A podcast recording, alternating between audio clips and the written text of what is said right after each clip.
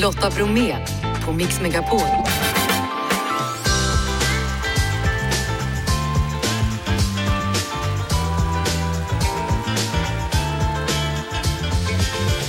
Hallå där och varmt välkomna att hänga med mig framöver. Det är en ny starttid idag som ni märker. Från och med nu så är det efter 16 nyheterna som gäller.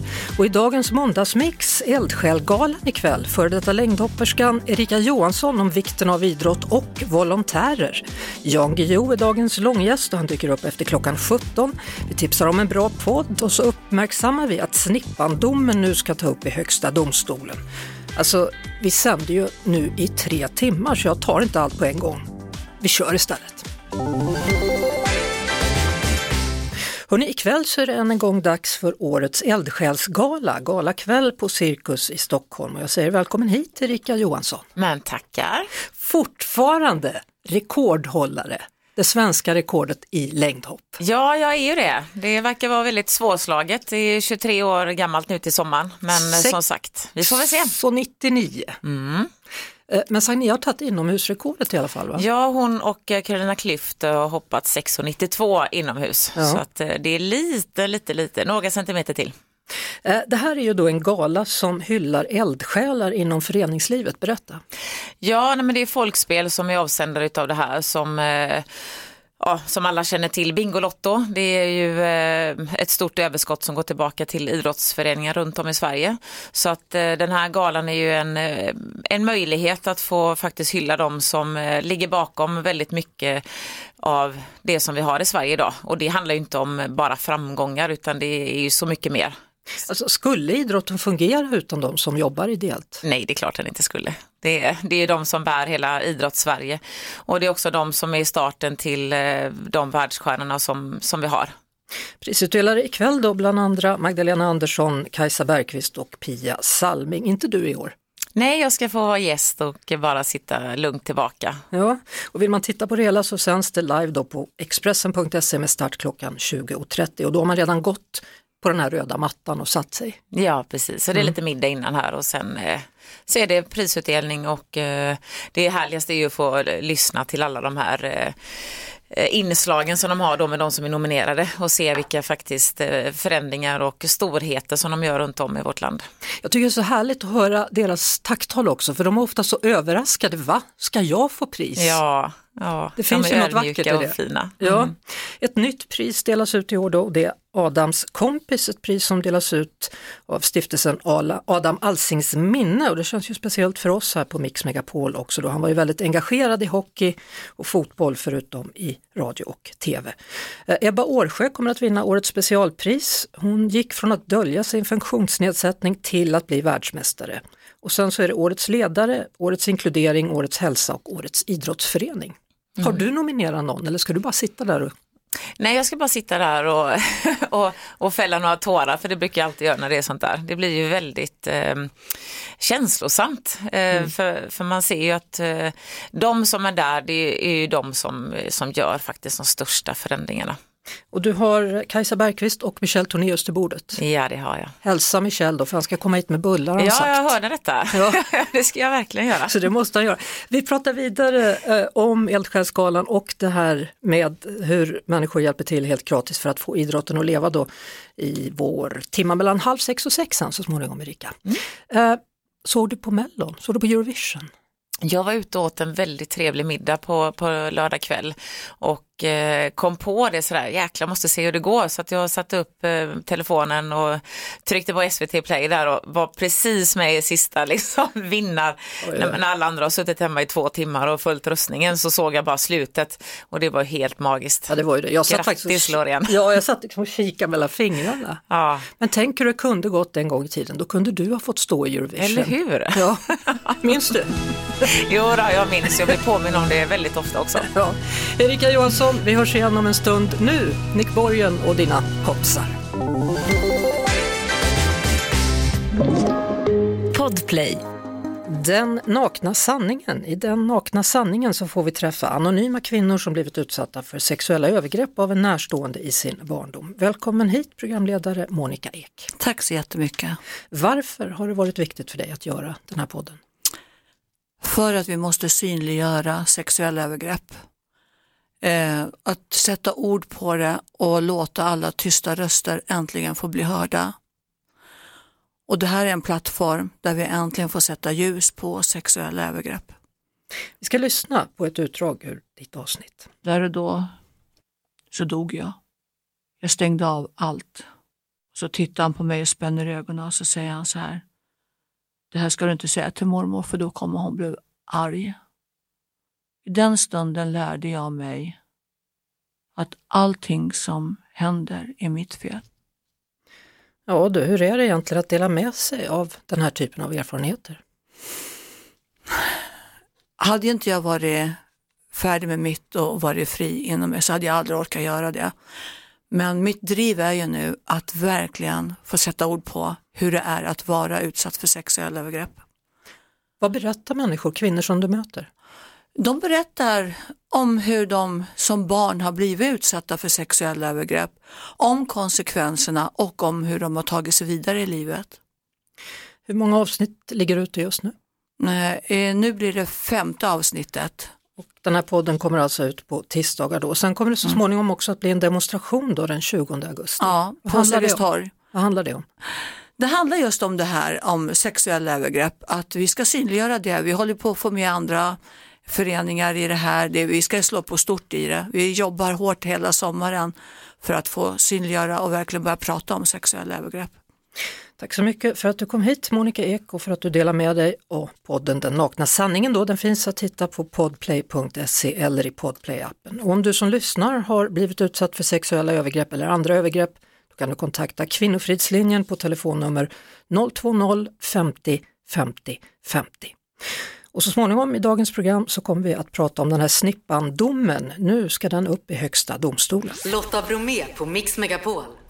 En man dömd för våldtäkt mot barn i tingsrätten friades i hovrätten i februari i år. Det här då efter att man inte varit överens om ordet snippa och dess betydelse. Domen väckte starka reaktioner och uppropet “Jag vet vad en snippa är” hashtag startades på sociala medier. Och idag så meddelas det att Högsta domstolen nu tar upp fallet. Med mig nu Sven-Erik Alhem, tidigare överåklagare. Vilka är dina reaktioner på det här? Jag var ju mycket positiv till att HD tar upp fallet. Det är ju en delfråga nu som avgörs först av HD, nämligen om rättegångsfel har begåtts av hovrätten. Målet är ett väldigt eh, viktigt mål därför att gärningsbeskrivningen är det som är helt avgörande för ett brottmål. Prövningen i domstol hänger på hur gärningsbeskrivningen är utformad. Brottsrubriceringen är domstolen inte alls bunden av, inte heller de lagrum som åklagaren har åberopat. Så att det är gärningsbeskrivningen, den är central. Och då uppkommer frågan om hovrätten genom det märkliga sätt de handlar målet på, jättekonstigt tyckte jag, Ja, om de då har gjort ett rättegångsfel och det ska HD då ta ställning till i första hand och så låter man målet i övrigt vila. vad tror du att de landar i för beslut här? Jag tror de landar i beslutet att ett rättegångsfel har begåtts. Och vad betyder det i så fall? Ja, det betyder att de har gjort fel och det tyckte jag omedelbart det var konstigt. En ung flicka gör det absolut rätta. Hon berättar vad hon har varit utsatt för med klara verba, mycket tydligt. Och ändå så kommer hovrätten på någon slags 1800-talsmanér fram till att man måste nog gå och titta i en ordbok vad snippa betyder. Och det gör man sedan huvudförhandlingen har avslutats själv. Va? Vilket är jättekonstigt. Om det uppkommer någonting som är oklart under en domstolsförhandling under huvudförhandlingen så ska man ta upp det transparent under förhandlingens gång och låta parterna yttra sig över det. Eller ta in en expert helt öppet. Mm. Eh, vad betyder det här? Måste i så fall rättegången tas om eller kan de bara ändra straffet? Nej, Alltså, hovrätten har fullt öppna fria tyglar efter det att de har avgjort frågan om, om ett rättegångsfel har begåtts. Man kan tänka sig att man återförvisar målet till hovrätten eller att man själv tar upp det och avgör det. Det är en öppen fråga just nu. Vad skulle det i sånt fall betyda för liknande fall framöver om det blir en fällande dom här nu? Ja, det är väldigt viktigt, inte minst ur den unga tjejens betydelse. För henne är det en stor fråga. Hon har blivit orättvist behandlad tycker jag i hovrätten. Tack så mycket Sven-Erik Alhem, tidigare överåklagare. Du lyssnar på Lotta Bromé på Mix Megapol. Hörrni, det är väl ingen som missat Lorens nummer till Tattoo där hon kryper omkring på en platta med sand. Och den uppmärksamma hörde kanske Edvard af kommentera denna sand under Eurovision-finalen i lördags. Jag kan berätta att den här sanden som Loreen ligger på, som ger hela numret ökenfeeling. Var kommer sanden ifrån? Är det Saharaöknen? Är det från Dubai? Nej då, det kommer från Biltema i Skövde. Jajamensan, Biltema som ligger precis vid rondellen i Haslum i Skövde. Ella Sundin Lundqvist, hallå där! Hej! Ja du, du var med och köpte in sandsäckarna till Lorens nummer. Hur kommer det sig? Ja, precis. Nej, alltså det är så att eh, min extra pappas kusin, han arbetar ju som ehm, Ja, alltså de eh, riggar kameror mm. till olika evenemang och så. Och då bland annat Eurovision. Så SVT hade ju glömt att skaffa sand så då fick ju ja, min kusin skaffa sanden och då var jag med. Ja, varför köpte man inte ny sand i England då? Ja, de hade inte tid tydligen. Jag vet faktiskt inte den biten. så, så det, det, här var alltså runt påsk det här hände och du skulle köpa påskägg och så följde din släkting ja, då som var hälsa på er i Skövde med till Biltema. Vad sa han då? Eh, det var ju 7 april mm. eh, och då så sa han till mig bara Ja, jag ska köpa sand till Loreen och då tyckte jag det lät lite spännande liksom. Så då ville jag hänga med och jag skulle ändå köpa påskägg så att då valde jag att skjutsa in liksom och följa med där på svängen. Ja, kände du då att det var något speciellt med att se de här sandsäckarna lastas eftersom du visste att nästa gång du ser sanden då är det minsann på tv i Eurovisionfestivalen? Ja, alltså, ja, det är en så liten bit egentligen men det var ju ändå lite coolt. Ja, det är klart. Att, eh, att den här sanden ska ändå åka nu lastbil ända till England och sen till Liverpool och sen upp på scenen och ska hon dansa i den. Ja, och den sanden är ju lika historisk som hon är numera då. Ja, ja det är hon ju. Ja, jag vet att ja. du filmade ett klipp på sandsäckarna och la ut på ditt Insta. Vi kan väl säga som så att på Mix Megapols Instagram där finns också den här sanden. Alltså, för mig ja. är det ju väldigt speciellt hör, att den kommer från Skövde. Ja, för du är ju från Skövde. Ja, ja det stämmer. Ja. Eh, vad, vad, sa personalen på Biltema då? Visste de att det skulle bli Eurovision-sand här eller? Nej, de hade ingen aning. Nej. Vi var ju där som privatpersoner och smög in och köpte sanden. Mm. Eh, ja. Vad var speciellt med sanden då?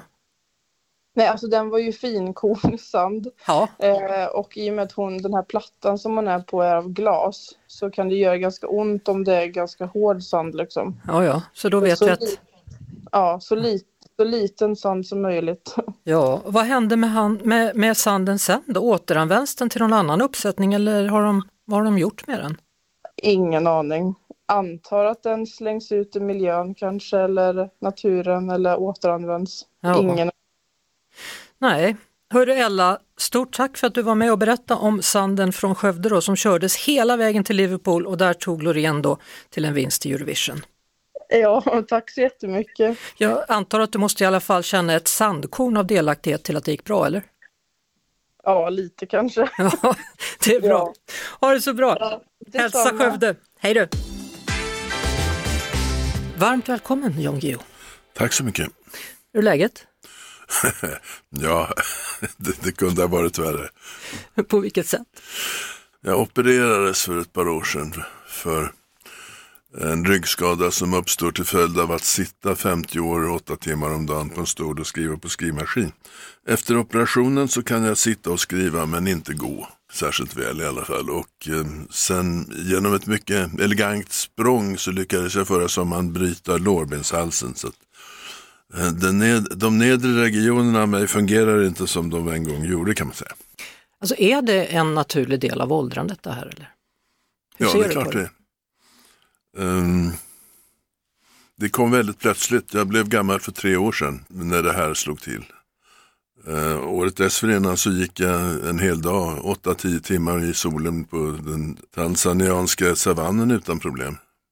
Och sen där blev det ett dramatiskt fall. Hur gör man för att, liksom, vad ska man säga, vara överens med sig själv om den saken eller vara överens med livet? Ja, Den här typen av krämpor eh, kommer ju lika förr eller senare om man får leva och hälsa. Lika säkert som döden så att det är inte så svårt att anpassa sig till. Men man kanske kan tycka att jäklar det kunde ha kommit lite senare. Du är klar med 1900-talet nu i alla fall. Ja. Tio böcker blev det. När jag var klar med 1900-talet så var det till min förvåning. För jag tänkte, va? Det här är omöjligt, det här går inte att göra. Men ja, ja nu har jag skrivit tio böcker. Och ja, vad ska man göra då? Ja. Och då insåg jag att, eh, herregud, jag behöver inga regler längre. De senaste 40 åren har jag skrivit med en massa regler som måste upp. Skriver man historia kan man inte flytta på historien, man kan inte flytta på världskrig till exempel. Man måste också skriva ett särskilt språk om man ska påstå sig skildra 11 och 1200-talet. Med ett helt annat sätt om det gäller 1950-talet.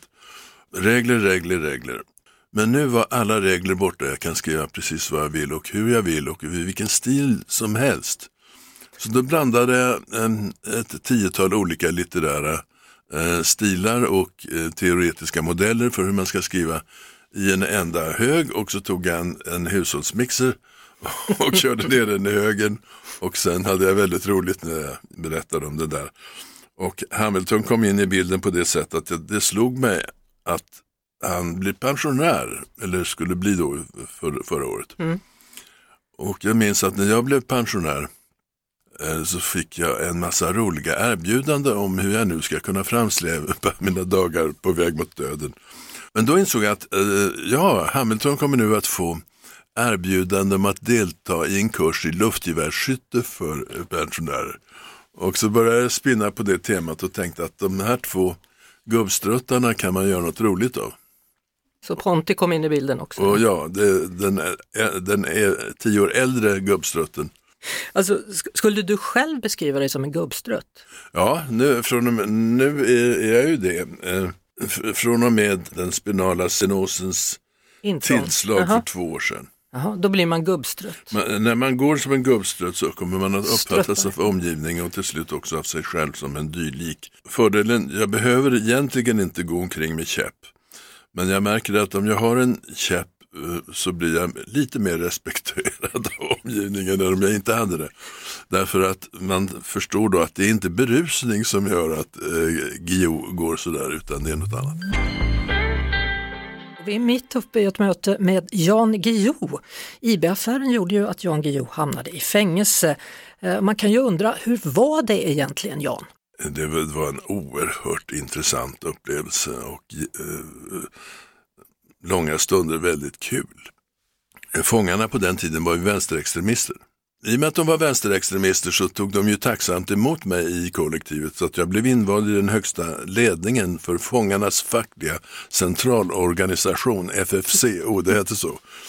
Och fick i samma ögonblick eh, större makt på det fängelse jag befann mig än, än styresmannen som det heter, chefen alltså. Eh, Jag hade ju förbud på, jag skulle inte få läsa några tidningar, jag skulle inte få se radio, jag skulle inte, ingenting sånt där och jag skulle inte få se mänskliga i ansikten, bla bla bla. Eh, Jag läste fyra eh, svenska dagstidningar varje dag, eh, avlyssnade alltid Dagens Eko och fick in Time Magazine i cellen på begäran. Allt detta ordnades som ett trolleri. Och hur detta trolleri bakom murarna går till, det är en, det är en mycket fascinerande kunskap. Plötsligt när jag ska rastas i en sån där tårtbit som alla sett på film, så står en kille där inne. Jag blev oerhört förvirrad. Jag hade förbud på att träffa eh, några andra mänskliga ansikten än Säpo-män. Och det sitter ju en vakt och ser oss. Och ändå ser han oss inte. Och så började den där killen eh, säga att ja, jag tänkte att eftersom du och jag eh, torde vara de enda bildade personerna på det här stället så föreslår jag att vi skulle äta middag ikväll. Jag har praktiskt nog en, en, en cell för två personer så där kan man duka upp lite trevligt sånt där. Och jag, äter ju inte, jag vet inte hur du gör men jag äter ju ingen fängelsemat här utan jag hämtar från Riche eller Operakällaren. Så jag, jag tänkte vi skulle ha någonting på kalvkött och då undrar jag, har du några eh, synpunkter på vinet Lacrima Christi? Eh, Jag var ju väldigt frestad att tacka ja. Gjorde du inte det? Det Nej, tog jag för nej. givet nu här. Expressens löpsedel, Jan Guillou, knarkkung, eh, de stora orden och så lite små bokstäver emellan där. Så det, av diplomatiska skäl var jag tvungen att tacka nej, det förklarar jag också. Men jag frågar, du, hur, Alltså, ehm, det här är ju, eh, samtalet är ju förbjudet om to say the least. Hur kan det komma sig att vi står här och snackar? Och att det sitter en vakt där och ser oss men ändå inte ser oss? Och då säger han någonting jag aldrig kommer att glömma. Ja, jag tror att det var eh, Filip den andra av Makedonien, alltså Alexander den stores far, som sa att det finns ingen stadsmur så hög att inte en åsna lastad med guld kan komma över den. Men hur länge var du där inne? Ehm, åtta månader eh, som häktad på Långholmen och tyvärr bara två månader som fånge på Österåker. Tyvärr bara två Ja, månader. det var jättekul och jätteintressant. Där hade ju journalister försökt att komma in i åratal. Det var en av de två hårda riksanstalterna. Så där satt alla eh, mördare och bedragare och knarkungar och andra. Men, men du fick prata med dem då? Ja, jag var ju chef, jag var ju chef över fångarna. Så det tog jag det. Jag hade en timmes mottagning varje dag, eh, där kö utanför cellen. Där man kom med allehanda besvär. Eh, någon plit som inte hade levererat knark trots att den har fått betalt och som man nu begärde tillstånd att få döda. Och, vilket jag inte medgav. det skulle varit anstiftan till mord, herregud. Det är inte därför jag eh, sitter här på fängelset. Eller eh, folk som hade ut, konstiga utvisningsärenden. Jaha, så du satt där som en slags Ombud gudfader också? ja, ja, och bestämde vilka som skulle misshandlas eller inte i vissa fall. Men, men nu tror ju folk att du faktiskt sa, ja du kan misshandla honom. Um, jag vill inte i detalj, det är, min eventuella brottslighet i det här sammanhanget är mm. visserligen preskriberad. Ska vi prata om, om senaste boken, eventuellt uppsåt att döda ortens gangsters? Mm. Här handlar det om telefonbedrägerier och med andra ord så placerar du oss direkt i nutid. Ja. Och speciellt som att det också kommer ett krig i Ukraina. Mm. Dina tankar? Jo, alltså nu sk- ska jag skriva i pressens ehm, och jag slipper, för, trodde jag, för en gångs skull all denna research som har hängt över mig. Och jag fick läsa in lite eh, teknik, jo, eh, men, men det, var ingen, det var en bagatell jämfört med de berg jag bestigit tidigare. Mm. De här åldringsbedrägerierna var det mest eh, akuta jag kunde komma på för personer av mitt eget slag. Och så tänkte jag att grattis den bedragare som ringer till Carl Hamilton. och det kommer att kunna sluta med, med förskräckelse för bedragaren. Och eh, där börjar jag spinna fram historien. Och sen kommer Ukraina-kriget då? Om jag skriver helt realistiskt precis i samtiden så går det inte att undvika Ukraina-kriget. Och eh, Hamilton var ju pensionerad men nu återinkallas han från reserven som alla sannolikt underrättelseofficerare gjorde. Och plötsligt får han och Ponti tillgång till helt andra tekniska resurser än vad deras lilla hobbyprojekt om att, att eh, förfölja bedragare hade inneburit från början. Så att de äger tillträde till landets samtliga telefoner hela tiden oavsett om telefonerna är på eller avslagna. De får, de får en, en oerhörd eh, militär makt och dessutom i ett politiskt juridiskt vakuum eftersom det är lite oklart var, var gränserna går mellan det ena och det andra. Alltså de lagar som gäller för Säpo gäller ju inte för försvaret, för FRA till exempel. Så här blev det eh, då eh, åka av fram till en maktposition där de kan döda alla gangsters i Sverige. Men då uppstår frågan, vill vi ha ett sådant system? Och i all synnerhet efter den 11 september förra året med Sverigedemokrater vid, vid makten vill vi sätta ett sånt här system i hä- händerna på Sverigedemokrater. Sannolikt icke. Tänker man, när man har blivit 79, tänker man det finns vissa saker som jag fortfarande vill, vill hinna med?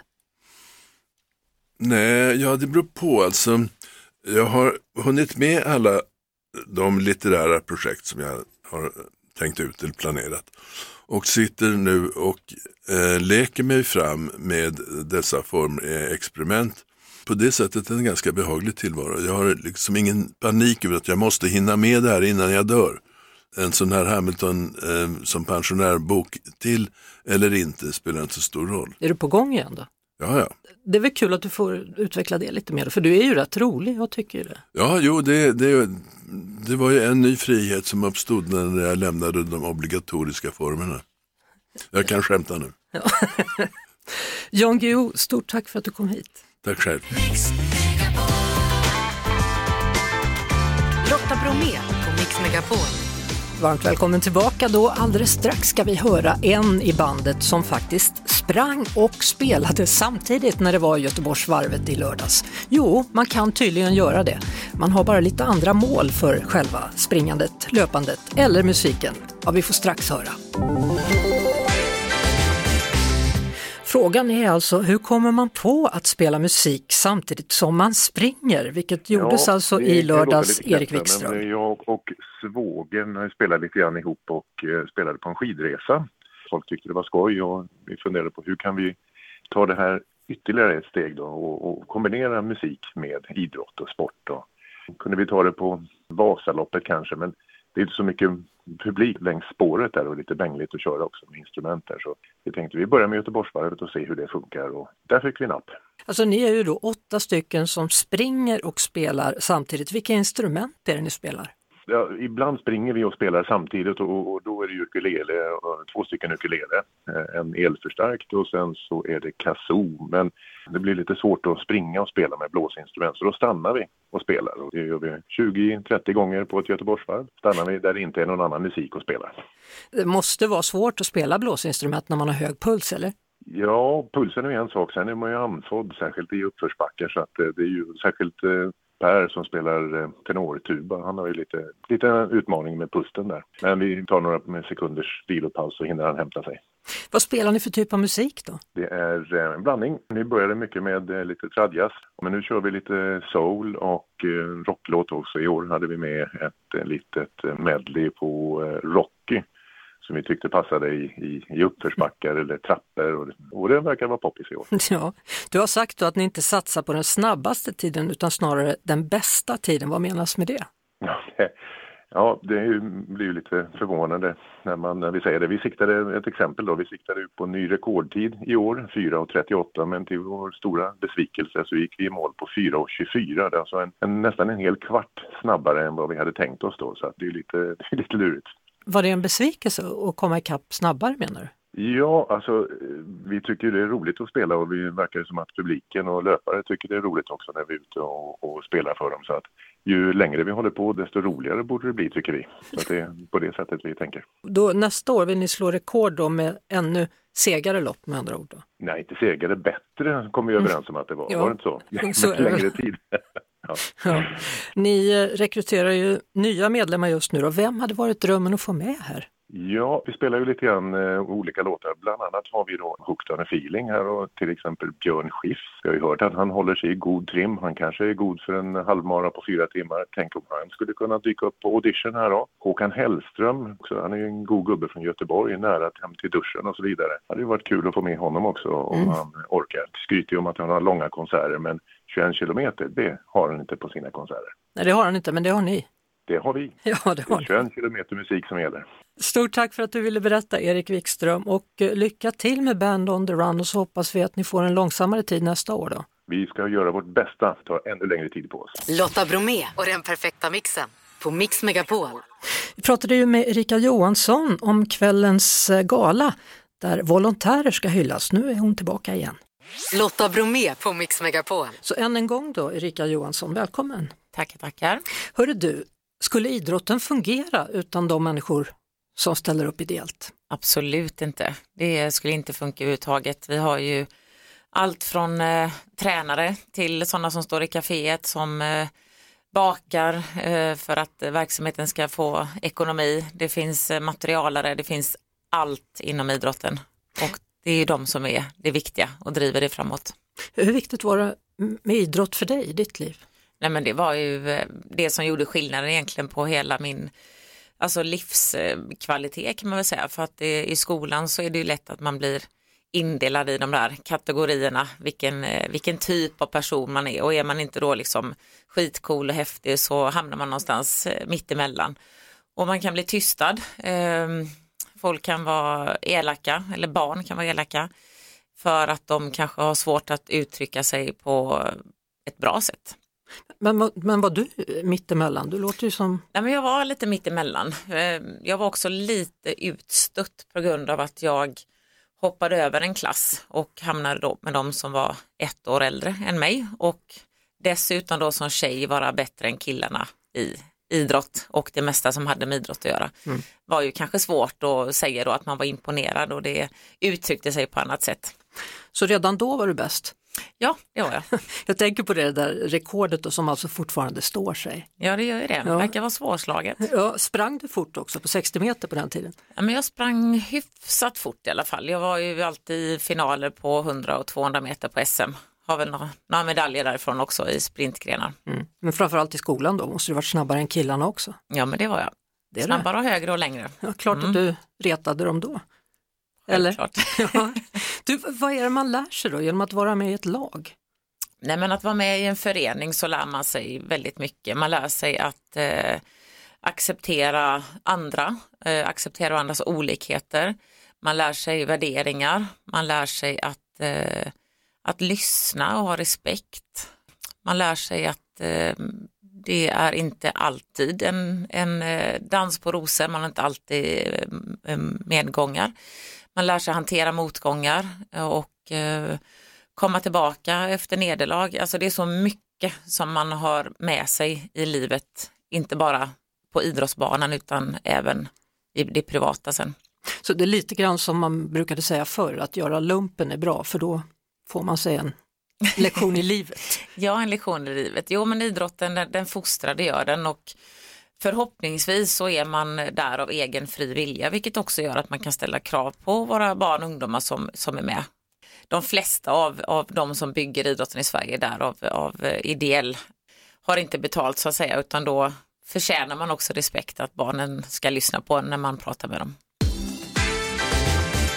Det är Rika Johansson som finns med mig här på Mix Megapol. Och vi pratade innan låten här lite grann om, om värderingar. Har alla klubbar bra värderingar? Men jag skulle nog säga generellt om vi skulle dra alla föreningar att, att man har väldigt sunda och eh, välmående eh, värderingar. För att, eh, att komma in i en förening handlar mycket också om att fostra och framförallt att man ser till att eh, våra barn och ungdomar har en bra sysselsättning. Ett ställe där man kan få, få vara den man är. Det är liksom ganska prestigelöst på det sättet för man umgås med likasinnande. Och man har också ledare som, som ställer och vågar ställa lite krav.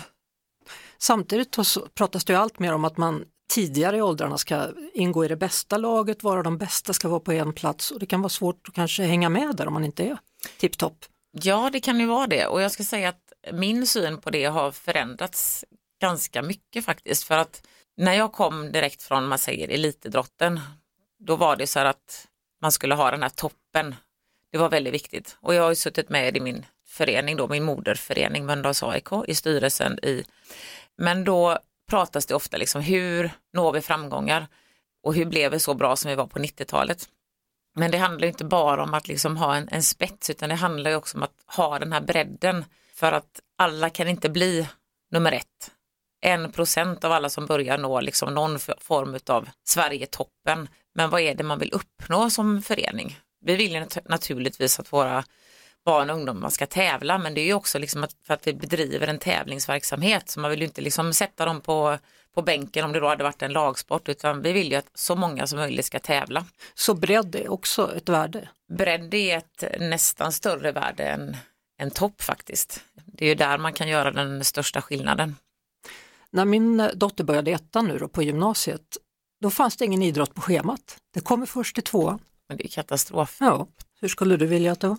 Om jag får drömma helt fritt så skulle jag vilja att man började med idrott lika obligatoriskt som man började i skolan med att inte göra en idrott, inte anmäla sitt barn till en skridskoskola när de är tre år gamla, utan man skulle börja någonstans med bara lek och rörelse. Det är det som alla barn vill göra när de är tre, fyra, fem, sex år gamla. De vill hoppa, springa, gå balansgång, de vill jaga, de vill, de vill ha roligt. Och ha roligt är liksom, det är prio nummer ett. Om du frågar alla barn och ungdomar upp till ganska hög ålder med idrott, vad är det bästa med din sport? Nummer ett, ha roligt.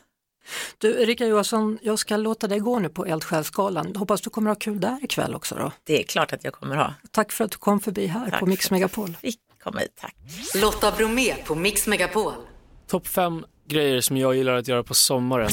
Nummer fem. Gå på Grönan. Allting. Alltså jag åker allt. Jag älskar sånt. Jag älskar Gröna Lund. Eller Liseberg är också nice. Men eftersom jag är från Stockholm så är det oftast Gröna Lund. Jag blir som ett litet barn igen. Nummer fyra. Och sen älskar jag att käka glass på sommaren. En Solero eller en Twister. En isglass. Calippo är också nice. Cola Calippo. Nummer tre. Eh, och sen nummer tre, vad skulle jag säga då? Jag älskar att hyra en sån här liten eh, mysig stuga så här, vid, vid någon sjö eller vid vatten. Jag älskar ju vatten. Eller typ i Palma där jag hänger mycket. Jag är en strandkille. Så, så sola och bada alltså. Det är verkligen min grej. Nummer två. Lyssna på musik som påminner mig om andra somrar. Som får mig att tänka på bara sommaren generellt också. är nice. Jag vet inte exakt vilken sommar det var, men jag minns det fanns en sommar, typ någon gång i mitten av 90-talet, när jag var liten och eh, vi brukade åka till en sjö som heter Rösjön utanför Stockholm. Det var så nice alltså. Det var en liten röd stuga som sålde glass och så var man där med familjen och mina kusiner och så här kompisar och sådär. Så det, ja, vattnet och simma och sola och bada. Med all den musiken, 90-talsmusiken.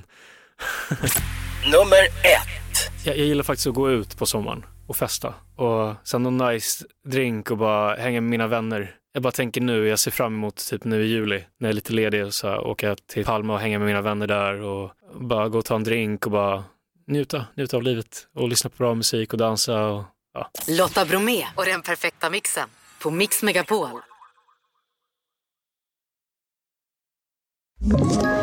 Ett poddtips från Podplay. I fallen jag aldrig glömmer djupdyker Hasse Aro i arbetet bakom några av Sveriges mest uppseendeväckande brottsutredningar.